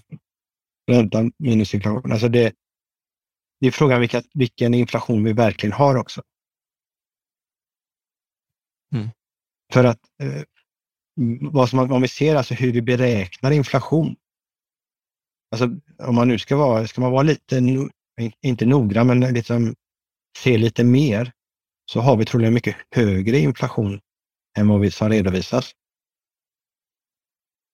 Eh, och då kommer inte ens alltså en, en realräntefond eh, eh, täcka upp det som är den verkliga inflationen. Det kommer fortfarande för vara bättre än de andra räntefonderna. Så att, eh, det är liksom bäst av de dåliga alternativen, om jag är snäll. Men, men, men så, så, och på räntesidan, alltså det bästa du kan göra av de dåliga alternativen och det, det kanske är good enough på, om man vill ha räntor. Då hade jag valt det, men jag tror inte att eh, över lång tid så kommer inte det täcka den verkliga inflationen för att vi har, alltså det är så mycket som vi inte mäter och hur vi mäter inflation. Alltså, det har vi pratat om förut. Så man kommer missa på det över lång tid, men eh, just nu, det finns inte, räntorna har inte gått upp tillräckligt mycket för att det ska bli intressant att köpa obligationer. För egentligen är det så att eh, om de skulle vända vid om det är 2% eller 3% eller 4 och börja sänka räntorna, då börjar det bli intressant att äga långa obligationer igen. För då ska ju räntan ner igen. Och då går räntefonder upp? Då går de långa räntefonderna upp. Eh, så nu vill man ju ligga med korta räntefonder och, eller då realräntefonder om man ska ha räntefonder. Och eh, eh, realräntefonder blir väl det bästa, men jag tror, jag tror, jag skulle säga att eh, produkten realräntefond utlovar lite mer än vad den kan över tid verkligen leverera. Men, men fortfarande bäst, bäst i klassen. Men det, jag tänker så här, Erik, och här, detta är liksom så här, det, det är ju inget samarbete. Du har inte fått någon ersättning, jag har inte fått någon ersättning. Men om du skulle sätta ihop en portfölj som är, detta är så här, skydd mot inflation, detta är så här, detta är en bra båt för att rida ut den stormen. Och du får vara så här, ja men bara så här, säga din egen fond om du vill det. Hur skulle du, liksom, en bra båt, ja, ja, nej, en, bra, en, en bra båt för det här scenariot med liksom, kanske stigande räntor, tuffare ekonomiskt klimat, skuldsanering. Hur, hur, hur skulle det liksom så placera pengar? Den här gången ska jag nog verkligen, eh, för nu, nu känns det som det börjar bli väldigt bra, bra tider faktiskt för oss, om man säger så. Alltså den här perfekta stormen, den har verkligen börjat närma sig nu. Eh, och, och, som i, i Precious Green, alltså där vi har 40% guld och 60 eh, green tech-bolag. Eh, vi var inne lite på det med ESG-flödena, alltså det är positivt där. Så det känns väldigt rätt. Eh, och Silver Bullet med de låga värderingar på bolagen i de här metallerna vi behöver både monetärt och för omställningen. Plus det jag skulle addera är de här pricing power-bolagen, de stora bolagen som har bra varumärken, alltså vanliga aktier. Aktier är bra att äga i inflation. Eh, det, det, det är det jag hade kompletterat med. Eh, sen eh, var någon inne på att när, när kan vi börja köpa när det blir billigt?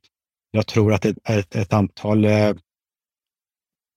bolag kanske, alltså inom techsektorn kan bli intressanta för att de har fått så mycket stryk om de är riktigt bra bolag att det, de har åkt ner liksom med allt annat och där, där finns det lite man kan eh, kanske plocka upp. Men jag är inte expert på de bolagen, men där tror jag att det, det finns möjligheter också. Eh, för en del techbolag är ju verkligen bra och är riktiga innovatörer och marknadsledande så att eh, där finns väl lite möjligheter. De är inga kanske pricing powerbolag, men de har eh, de är, de är rätt på det och fått kanske lite för mycket stryk. Mm. Jag, jag, vet ju också, detta blir också så här... Du fick ju inga räntor, men... Eh, nej, nej, men jag vet att räntor har jag inte fått från dig typ någonsin. nej, de, de får komma upp lite i ränta så att de kan börja sänka räntan igen. Då, då kanske jag kan säga att vi kan köpa lite obligationer. Ja, men, men jag tänker också där, jag vet att vi har varit uppe på detta i tidigare poddavsnitt, för nu vet jag ändå att det är många som sitter på globalfonder och, och sådant, och jag själv gör ju det.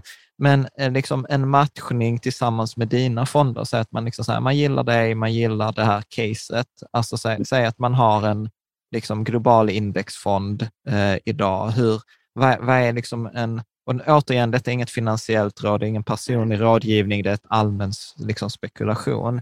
Hur, liksom så här, hur stor är andelen, till exempel silver bullet? Alltså så här, du vet, här gifter sig ingredienserna, men tar du för mycket peppar, ja då är det inte gott, men en lagom mängd peppar är gott. Alltså förstår du, hur ska man tänka ut portföljperspektiv? Eh, ja, det, det kommer väl lite för mycket. Alltså, det handlar så mycket, tycker jag, om den personliga situationen man har. Alltså vilken ålder man är och, och, och vilken... Alltså, för mig är det mycket hur mycket förmögenhet har du och hur mycket kommande intäkter, alltså relationen mellan kommande, in, kommande möjliga intäkter och din förmögenhet gör ju väldigt mycket utifrån din risk, riskprofil, alltså risktålighet. Så det, där är, det, det tycker jag är den absolut viktigaste parametern. Alltså är, är jag, du sa att jag var äldre än vad du är, Eh, även om jag är all in så att säga. Eh, men, men är du 65 så är det väldigt dyrt att ta stora smällar för det är väldigt svårt. Du kan inte köpa billigt för du kanske inte har några kommande inkomster. Är, du 30 år så gör du ingenting om portföljen halveras. Alltså det blir bara billigt att köpa. Eh, så då kan du ha mycket, mycket högre risk eh, om du inte har så mycket förmögenhet uppsamlad om du är 30 år. Så det gör ju väldigt mycket hur du ska positionera dig utifrån ett riskperspektiv. Men jag tror en mix med de sakerna är bra. Eh, normalt sett så, så, är det bra med en global fond för att du äger ganska mycket dollarexponering. Och, och, och dollar, även om guld är en bättre valuta än dollar så är dollar den bästa av alla andra valutor jämfört med eh, kronor och, och sånt. Eh, men nu har ju dollarn gått upp så mycket så att det finns en risk i globalfonderna där också nu att uh, dollarn har gått upp så mycket så att man får inte, man har inte den krockkudde längre som globalfonder ändå har gett. Mm. Mm. Det, var inte, det var inte snällt sagt. Eh, nej, men då, då, kanske det är bättre att äga lite svenskt alltså, eller något som inte är så mycket dollarbaserat just nu. Mm. Ja, det är lite roligt. Eh, André skrev faktiskt en analys som vi hade på Patreon om plus alla bolag, alltså svensk indexfond. Jag tror eh, André, var inte tajmingen för det tipset väldigt bra också? Var det någon som mejlade mig? Det var ju så här rent flyt. Men... nej, nej, nej, nej, nej, nej, nej. Jag har inte läst den, men det var ju bra. Kul att jag sa det. Ja. Mm. Precis. Mm. Ja, men snyggt. Vet ni vad? Alltså jag känner så här, vi hade egentligen kunnat prata jättemycket ja. mer, men klockan är redan efter tio här. Vi har pratat över en och en halv timme. Så jag tänker så här att vi, ja, vi rundar av här och sen så tänker jag att Erik, eh, ett fantastiskt stort tack för att du tar dig tiden. Tack för att jag vet att vi är många som är delägare i dina fonder, så tack för att du förvaltar våra pengar och du delar med dig av din kunskap. Och, och, och jag vill innan vi bryter så här, liksom, Eh, tack till alla er och vi tillsammans eh, som, som tänker och vill tänka kommer se till att eh, Sverige blir bra. Att framtiden kommer bli bra så att vi, vi, vi fixar det här tillsammans. Vi får bara bli lite starkare. Mm. Nej, men verkligen. Och, och jag, gillar, jag gillar just det här perspektivet som du har också, liksom bortom att det handlar inte bara om liksom mest pengar när man dör eller att, liksom, att det handlar om att staten, det är ju vi och vi har ju ett gemensamt ansvar både för liksom, ekonomi och vår stat och, vår, och varandra. Faktiskt. Ja, och tack till alla. Tack jag ser på skärmen. Ni bara studsar ja. här. Så tack, tack. Ja, så tack så mycket och naturligtvis ja. tack till dig som hänger på forumet eller på Facebook eller Patreon som gör detta möjligt. Att vi kan ha en sån här eh, vad är det, torsdagkväll med lite vin och inflationssnack och, och prata om sparande och guld. Så att, tack så hemskt mycket till er alla och så ses vi där ute. Ha det så bra. Ja. Tack så mycket. Hej. Hej.